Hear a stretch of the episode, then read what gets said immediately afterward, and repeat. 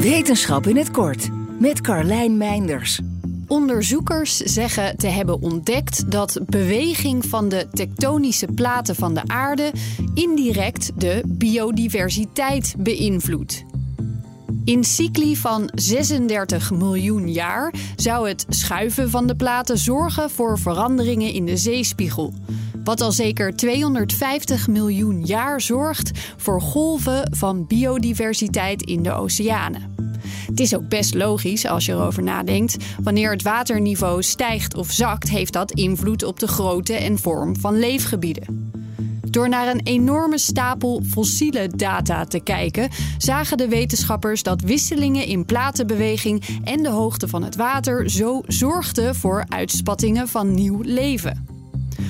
Hoe verandert dat waterniveau dan precies in die periodes van 36 miljoen jaar? Verschillen tussen sneller en langzamere verschuivingen van de platen zorgen voor verschillen in dieptes van bekkens in de oceaan en voor verschillen in de verplaatsing van water naar diepere lagen van de aarde. Dit zorgt dan weer voor fluctuaties in het overstromen en opdrogen van continenten. Met periodes met veel ondiepe gebieden waar veel biodiversiteit kon ontstaan. Daarmee geven de onderzoekers een alternatieve verklaring voor waarom soorten over lange periodes met vlagen zijn veranderd. Wil je elke dag een wetenschapsnieuwtje? Abonneer je dan op Wetenschap vandaag. Spotify is partner van Wetenschap vandaag. Luister Wetenschap vandaag terug in al je favoriete podcast-apps.